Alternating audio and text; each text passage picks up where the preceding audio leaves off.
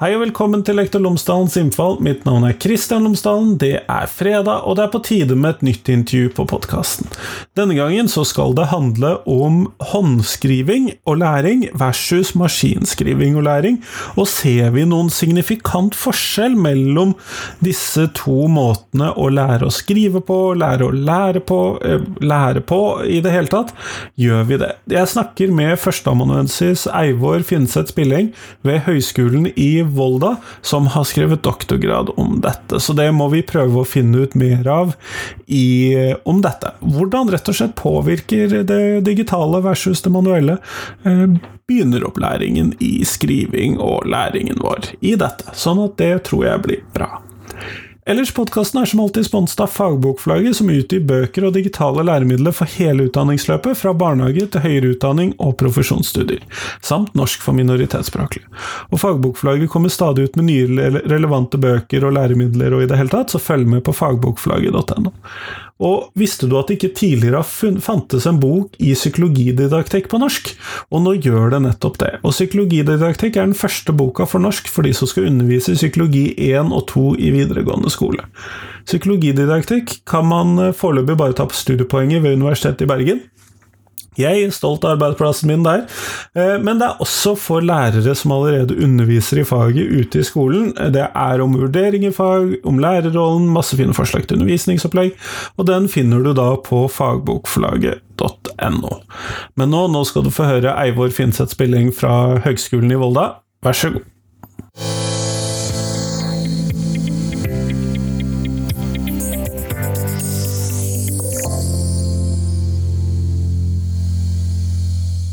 Videopodkast. Eivor Finseth Spilling, tusen takk for at du har tatt deg tid til meg i dag. Selv takk, veldig hyggelig for å være med i podkasten din. Før vi kommer sånn ordentlig i gang, så hadde jeg håpet at du kunne fortelle lytterne mine tre ting om deg selv, sånn at de kan få bli litt bedre kjent med deg. Ja, jeg jobber altså på Høgskolen i Volda, og i det som heter Seksjon for norsk i lærerutdanningene. Så det betyr at jeg underviser i barnehagelærerutdanninga, grunnskolelærerutdanninga og i videreutdanningstilbud for lærere. Og jeg underviser særlig i språklige emner av norskfaget, som språkutvikling og i skriving, særlig hos de yngste skolebarna. Og så er jeg mamma til to gutter, en som går i første klasse og en som går i barnehagen. Så det betyr at jeg er så heldig å få stå i veldig mye av det samme hjemme, og se både språkutvikling og skriveutvikling på nært hold. De lærde strides om det er en eh, fordel eller en frustrasjon. Men, ja, eh, foreløpig en fordel. Ja, men så godt å høre. Ja. Eh, og vi er jo her i dag for å snakke om ditt eh, doktorgradsprosjekt. For det er jo ikke så lenge siden du var ferdig med den. og Kunne du starte med å fortelle lytterne hva er det du faktisk har sett på, hva er det du har jobbet med i prosjektet ditt? Ja, mitt doktorgradsprosjekt har jo vært, større, vært del av det større prosjektet Digihan, som er et sånn samarbeidsprosjekt mellom Høgskolen i Volda og Universitetet i Stavanger, finansiert av Forskningsrådet. Um, og det Digihan-prosjektet undersøker ulike typer begynneropplæringspraksiser med og uten bruk av digitale verktøy. Og da dette prosjektet gikk i gang i 2018, eh, så så vi jo det at eh, det hadde vært en økende digitalisering i skolen, inkludert de eh, laveste trinnene. Og uten at vi hadde så veldig mye forskning på effektene av at elevene fikk personlige digitale enheter. Og vi visste ikke så mye om effekter på lese- og skriveutviklinga.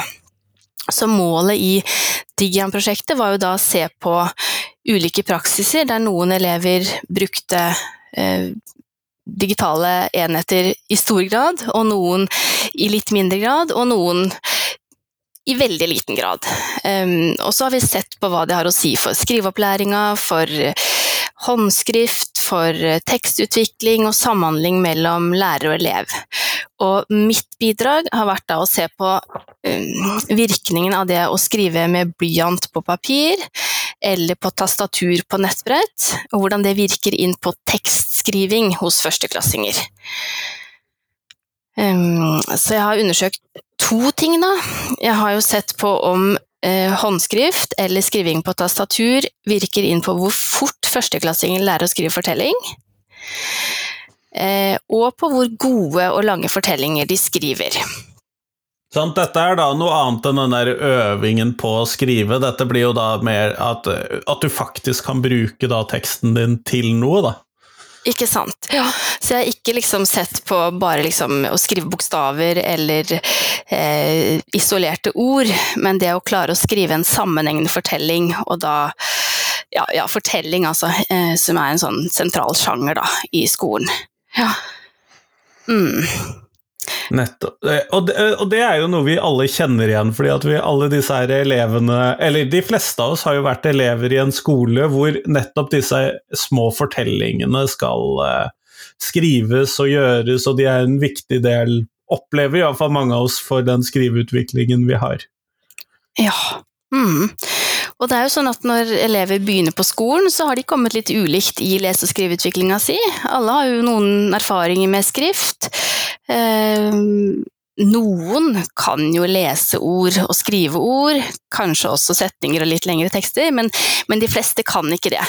Eh, men de kan kanskje skrive navnet sitt, kan en del bokstaver, navnet på bokstaven og den lyden, men akkurat det som skjer liksom, eh, fra de begynner og i løpet av første året, er jo typisk at de utvikler den evnen til å skrive en sammenhengende fortelling. Ja. Og da er jo da det store, kanskje viktige spørsmålet, eh, som alle lurer på når jeg da eh, har tatt deg med her. Eh, er det stor forskjell på håndskrift og maskinskrift i denne sammenhengen? Nei, jeg finner veldig liten forskjell. Veldig liten forskjell i begge de tingene jeg har undersøkt. Altså det første da med å se på hvor fort de lærer å skrive fortelling, eller vi kan si også utvikling av skriftlig fortellerkompetanse. At den utviklinga er veldig lik. Eh, og også når du ber førsteklassinger da skrive fortellinger på et bestemt punkt, så ser vi at de tekstene som produseres er omtrent like lange, omtrent like gode. Eh, når de blir skrevet for hånd, og når de blir skrevet, skrevet eh, på tastatur. Og jeg vet ikke for hvis vi da tar da dette resultatet som du har funnet her, og så prøver jeg å tenke gjennom den retorikken som har vært knyttet til både håndskrift og knyttet til digitalskrift i løpet av eh, de siste ti årene, så er mitt inntrykk at man da Noen har argumentert for at maskinskriving det gjør at man kan skrive mye bedre, mye raskere, og på den andre siden at det gir dårligere læring, og at det gir at det har noen andre effekter av å skrive med hånd, eh, som man da ikke får med maskin. Men jeg opplever jo at eh, ditt funn da egentlig skyter begge disse to litt i baugen som en del av dette? Ja, det er jo helt riktig som du sier at vi har liksom ulike forskningstradisjoner. Noen viser klare fordeler for det å skrive digitalt, og noen klare fordeler for det å skrive eh, for hånd. Og så er det det at ofte så har man undersøkt litt ulike ting, da.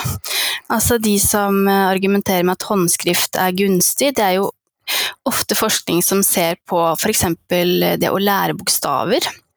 Og at hvis man tester da elever som skriver eh, bokstaver for hånd, og elever som skriver bokstaver eh, på tastatur, de husker bedre når de skriver eh, for hånd. Eh, også de studiene som ser på eh, det å skrive digitalt, det er jo ofte mer ja, studier av, av tekstskriving. Så det er litt uh, ulike ting, og så ser vi at altså de, de, studiene av um, håndskrift de er jo ofte ganske eksperimentelle. Og det er jo det med utdanningsforskning at det er veldig komplekst. Det som skjer i et klasserom, det er veldig mange faktorer som virker inn. Um, så det er jo ikke alltid sånn at når man måtte overføre noe fra eh, en eksperimentell setting til et klasserom, at det er helt det samme. Um, og så er det en del studier, eller veldig få studier som sier noe om eh, bruk Hvis man lærer bokstavene eh, gjennom bruk. Altså jeg tror absolutt at det er en fordel eh, det å skrive for hånd. Jeg tror absolutt det er en god måte å lære på. Men jeg tror kanskje at det ikke er den eneste måten, da. Altså at eh, når man eh, Man kan også lære bokstaver og skriving på andre måter. Um, i, i, min studie så har jo ikke jeg på en måte gjort noe test av hvor godt husker elevene bokstavene. Så det kan jo godt hende at de som har lært å skrive mye for hånd, husker bokstavene bedre, men jeg ser i hvert fall at de som har fått opplæring digitalt, kan bokstavene godt nok da, til å klare å skrive en fortelling. ja, for, ja, fordi at du må jo kjenne igjen disse bokstavene, du må vite hvor de står. De, de kommer jo ikke innfødt med touch-metoden og liksom bare klusser dette ned på arket. Nei, nei. Eller skjermen, da. Mm, mm, ja. Og det kan jo tenkes at sånn i praksiser der man bruker eh, digitale verktøy, så er det eh, mer tid til det å f.eks. skrive tekst og, og, få brukt bokstavene i en meningsfull sammenheng. At det også er en måte å lære bokstavene på. At det ikke bare er isolert det å forme en bokstav gjentatte ganger, men det å få bruke en bokstav til å skrive og formidle et budskap, at det også er en måte å lære på. Men eh, men jeg tror absolutt at det er gunstig å bruke håndskrift for å lære. Det er jo mye som, som tyder på det. Um, Men når du da har sett på dette, eh, hvordan mm. har du gjennomført denne forskningen? Ja. For å slutte å plage deg litt med ja, det politiske siden ja. av dette? ja, nei, men Det er viktig for å forstå måte resultatene og, og, implikasjoner av resultatene, så må man jo vite noe om selve studien og, og hva er det jeg egentlig har gjort. Så, så det er viktig. Um, og jeg har jo altså Studiet min er et sånn naturlig eksperiment, kan vi si. Så det vil jo si at jeg har fulgt eh, en del skoler og den praksisen som de allerede hadde. Så dette var liksom etablerte praksiser på skolene. Jeg har ikke instruert skolene i hvordan de skulle bruke de digitale verktøyene, men de hadde allerede etablert en praksis, og så rapporterte de den til oss. Og så var det på en måte tre sånne hovedpraksiser. En tradisjonell der elevene fikk um, tradisjonell håndskriftsopplæring uten nevneverdig bruk av digitale verktøy. En praksis der man utsatte håndskriftsopplæringa og fikk personlige digitale verktøy, typisk nettbrett, som man da brukte i skriveopplæringa. Og så et sånn mellomvilkår, hvor de både hadde personlige digitale enheter og fikk håndskriftsopplæring fra starten. Eh, og så har jeg da bedt disse klasserommene jeg har gitt de skriveoppdrag. Så etter eh, tre måneder på skolen så fikk de liksom en sånn en skriveoppgave, og det var da å skrive en fortelling. Så fikk de, var det en sånn instruerte lærerne i å eh, gi eleven en liten introduksjon til fortellingssjangeren. Og så fikk de et bilde eh, som liksom skulle inspirere til en fortelling. Et bilde av noe som var i ferd med å skje. F.eks. så er det en gutt som akkurat har kjøpt en is, og så holder han på å miste den store isen ned på bakken idet han skal til å, å, spise den. Så en, ja, en situasjon som elevene kunne kjenne igjen, og som innbyr til å skrive en liten fortelling så eh, var det lærerne som gjennomførte denne skrivinga, eh, men de fikk altså klare instruksjoner og en felles oppgave. Og så var det noen av klassene skrev da på ett punkt, og andre klasse skrev på fem punkt gjennom første klasse.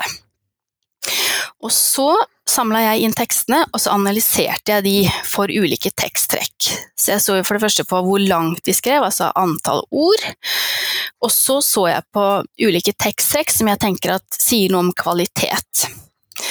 Og det var alt fra sånne eh, mikrotrekk som eh, mellomrom mellom ord. Eh, rett staving av ord, bruk av punktum. Det var hva slags ord de brukte. Eh, altså sånn hvor avanserte var ordforrådet. Eh, setningsoppbyggingen, altså brukte de setninger, brukte de helsetninger, leddsetninger. Eh, også narrative strukturer, litt ulike mål på det. For det første sånn på overordna nivå, klarer du å ha en typisk fortellingsstruktur med en introduksjon, en komplikasjon og en resolusjon. Et, et, problem som blir løst. Da. Også litt på mer lokalt nivå. Klarer du å koble hendelser sammen, sammen i tid? Eh, klarer du å si noe om årsak-virkning? Noe skjer fordi noe annet har skjedd før. Så jeg hadde mange sånne tekstmål som jeg analyserte i alle disse tekstene. Og så så vi da på eh, sammenligna de tekstene som var skrevet for hånd, og de som var skrevet digitalt, og så er det noe forskjell, eller er det egentlig ganske likt. Og når det gjelder dette første spørsmålet med å lære å skrive fortelling, så sammenligna jeg fem klasser som fikk tradisjonell håndskriftsopplæring, og fem klasser som fikk eh, digital opplæring. Så det var eh, ja, 181 elever til sammen. Dette er et ganske ja. stort datamateriale? Ja, altså sånn på en måte sånn, sånn, middels, vil jeg si. Jeg skulle gjerne hatt større, men det er klart, det er jo en stor jobb da, å sitte med mange hundre tekster og analysere ned til eh, liksom, detaljnivå. Eh, så jeg tror det var på en måte det som var mulig å få til innenfor disse rammene av et doktorgradsprosjekt. da. Passelig, ja. altså. Ja, ja. For jeg, ja. Som stakkars samfunnsfag og ikke norsklærer, ja. så er jo min tanke at dette hørtes mer enn nok ut. Nå er det jo relativt korte tekster, da, men, men likevel. Det var jo ganske mye arbeid å, å, gå gjennom alle tekstene, men veldig kjekt da, å se. For var jo, jeg var jo spent på det. Ville elevene klare å skrive tekster etter tre måneder med skole? Og det, de aller fleste klarte jo å skrive en liten fortelling. Mm. Så, men da så jeg altså på disse som får tradisjonell håndskriftsopplæring, og de som får digital opplæring, og så ser jeg da på fem punkt gjennom første klasse. Hvordan er utviklinga på tekstlengde, og på alle de indikatorene på kvalitet. Og da så vi jo det at eh, de utvikla seg i stor grad i samme takt. Så hvor langt de skrev var veldig likt på de fem punktene. Eh, hvordan eh, setningsoppbyggingen var, var også veldig likt på de ulike punktene, og sammen med de narrative strukturene. Så fant vi én forskjell når det gjaldt disse mikrotrekkene, altså det med staving av ord, bruk av mellomrom og uh, bruk av punktum. Vi så at de som skrev digitalt, de begynte på et høyere nivå, og så var det liksom lite eller ingen utvikling gjennom første klasse. Uh, mens de som skrev for hånd, de begynte på et lavere nivå, og så viste de noe utvikling. Eh, og det tror vi at henger sammen med at de som skrev digitalt, de hadde mulighet til å bruke såkalt tekst-til-talesyntese. Det er jo veldig vanlig um, å bruke sånne apper som tilbyr den støttefunksjonen, altså det er lydstøtte mens du skriver. Så hvis du trykker på en bokstav, så får du høre lyden til.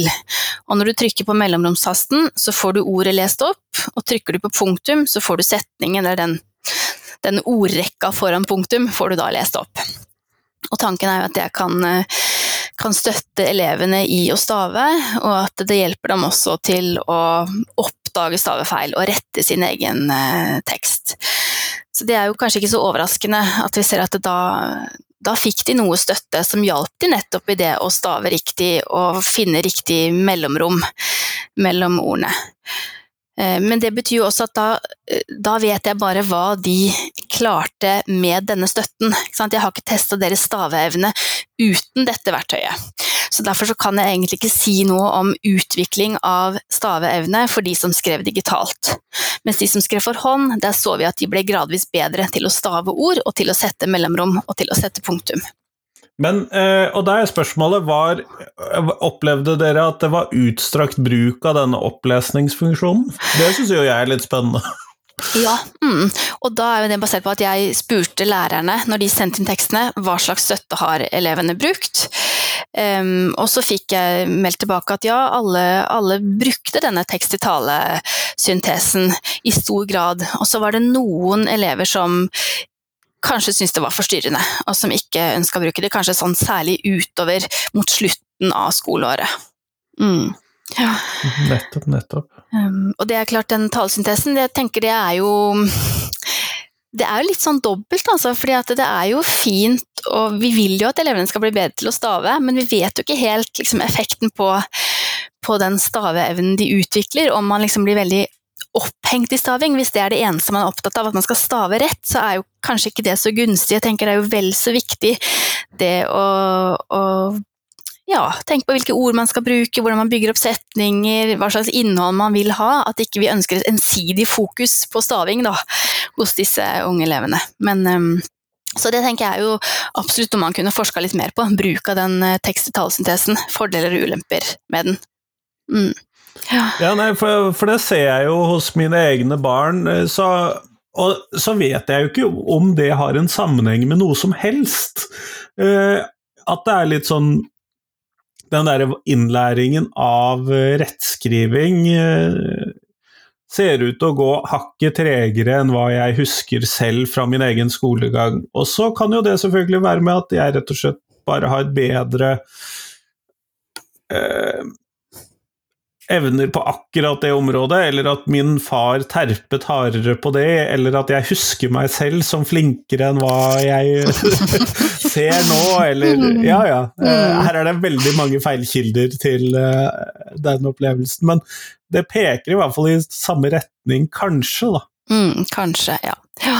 Jeg tør ikke å uttale meg sånn eh, bombastisk det du slippe. Altså, men, det er eh, helt greit. ja, men det er klart at all skriving på en måte fordrer jo trening. Skal du bli god til å skrive, så må du trene, og det tror jeg også på en måte at noe av eh, mitt arbeid viser at skal du bli god til å skrive, så må du trene uansett. Og det å skrive for hånd og det å skrive digitalt, det er liksom det er litt ulikt. Sant? Det å skrive digitalt da innebærer det ofte bruk av sånne støttefunksjoner. At det krever litt øvelse eh, i det å nyttiggjøre seg de funksjonene. Eh, for jeg så jo det at eh, i det, det, ene utvalget som nettopp var da det jeg refererte til, med fem klasser som skrev digitalt og fem klasser som skrev for hånd, det var jo klasser som hadde hatt um, utsatt håndskriftsopplæring og bruk av digitale verktøy fra starten av første klasse. De hadde god tid til å bli kjent med den digitale skrivinga og de programmene og støttefunksjonene som var der.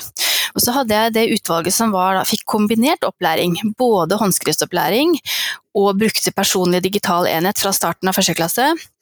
De fikk jo også skriveoppdrag i november, der de skulle skrive én tekst for hånd og én tekst eh, på nettbrettet. Og så så jeg hvordan slår det ut. Og da fant jeg faktisk ingen forskjell i eh, hvor mange ord de stava rett, og bruk av mellomrom og punktum. Og det, da rapporterte jo læreren at de hadde mulighet til å bruke den tallsyntesen, men de gjorde nok det i mindre grad. De hadde ikke hatt tid til å lære elevene å nyttiggjøre seg det verktøyet. Um, så, så, det viser nok det at elevene trenger opplæring i de digitale verktøyene og de funksjonene som er der, for at de skal få noe hjelp av det.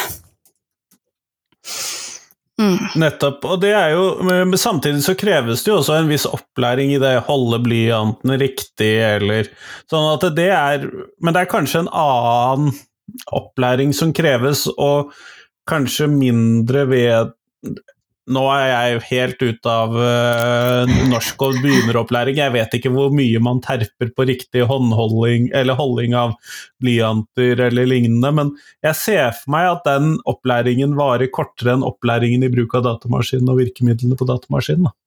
Ja. ja. det kan hende, men det er absolutt viktig å trene på blyantgrepet. Altså, det tror jeg man uh, Noen elever må nok trene lenge på det. Mm. Mm. Men det er vel igjen dette med at alt eh, krever trening.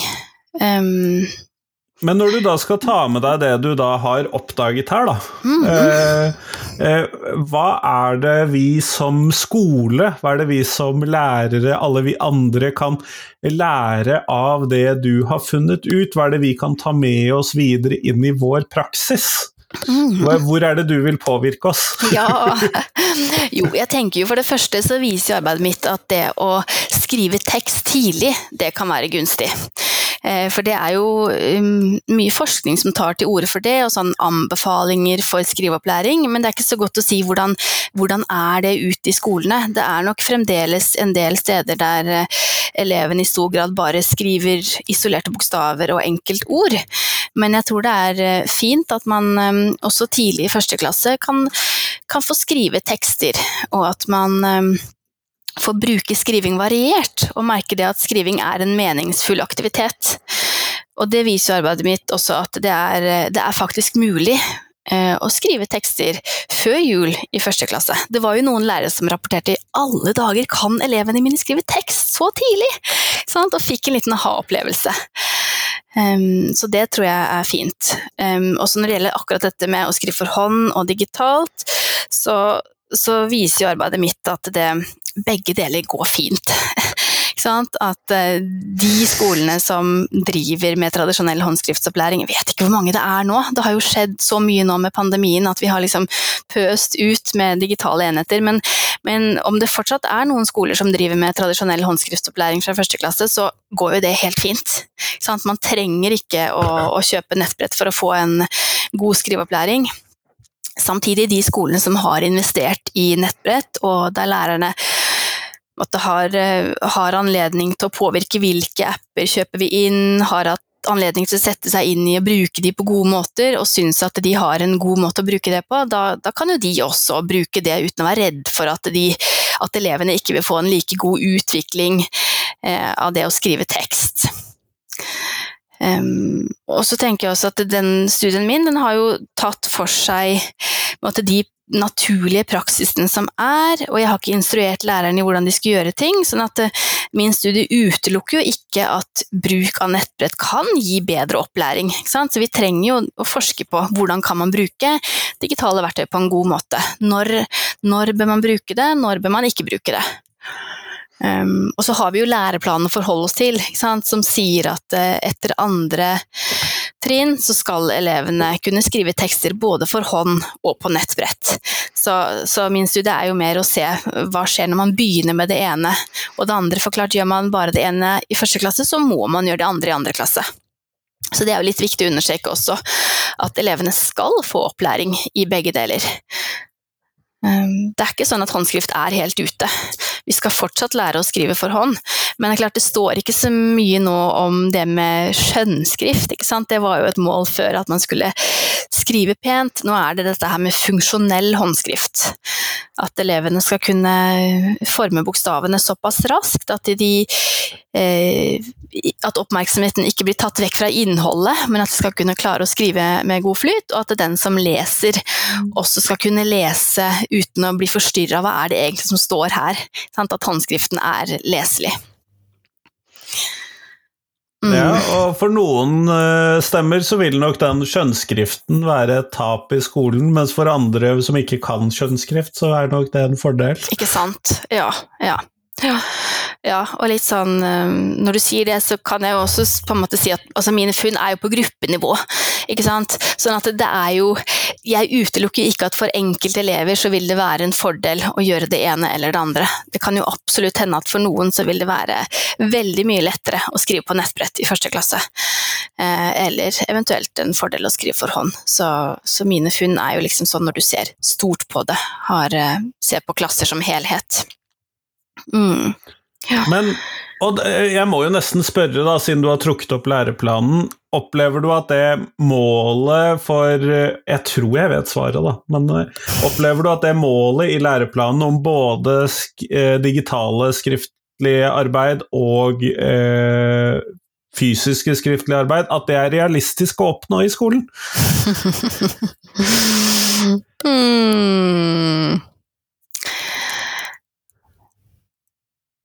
Ja, jeg tenker jo at det skal være mulig å få til det, altså.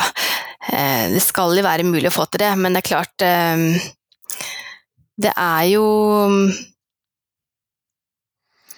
Det er jo mye elevene skal lære, men, eh, og det er jo tidkrevende å lære å skrive. Men jeg tror hvis man begynner med å skrive tekst tidlig, så tror jeg absolutt det skal være mulig å kunne lære å skrive både for hånd og på tastaturet, altså. Ja, nei, for Mitt inntrykk av det du sa, tilsa vel at dette burde man kunne klare å få til, selv om det selvfølgelig er tidkrevende å lære de to ulike strategier for å få fram disse ordene, så fremsto jo det som at dette burde være mulig å kombinere. Mm, mm. Ja. Uh, og det er jo et viktig poeng. Men du, vi går mot slutten av den tiden vi har sammen i dag, og da hadde jeg tenkt å stille deg det spørsmålet som jeg stiller alle jeg intervjuer for tiden, og det er hvilken lærer har gjort størst inntrykk på deg, og hvorfor det? Ja, jeg har jo hatt så mange gode lærere, mange som har gjort et stort inntrykk, uh, men jeg vil trekke fram um, Karin Hals, som var min lærer i engelsk og tysk på videregående. Og Karin eh, er en stor faglig autoritet. Samtidig så er eh, Karin genuint opptatt av elevene sine. Opptatt av å ha dialog, tilpasse undervisninga til elevene, være fleksibel og ikke minst bruke latter og humor. Så den kombinasjonen av et sterkt faglig og menneskelig engasjement gjør henne til en veldig god lærer. Tusen takk for det, og tusen takk for at du ble med i dag. Selv takk. Veldig kjekt å få være med.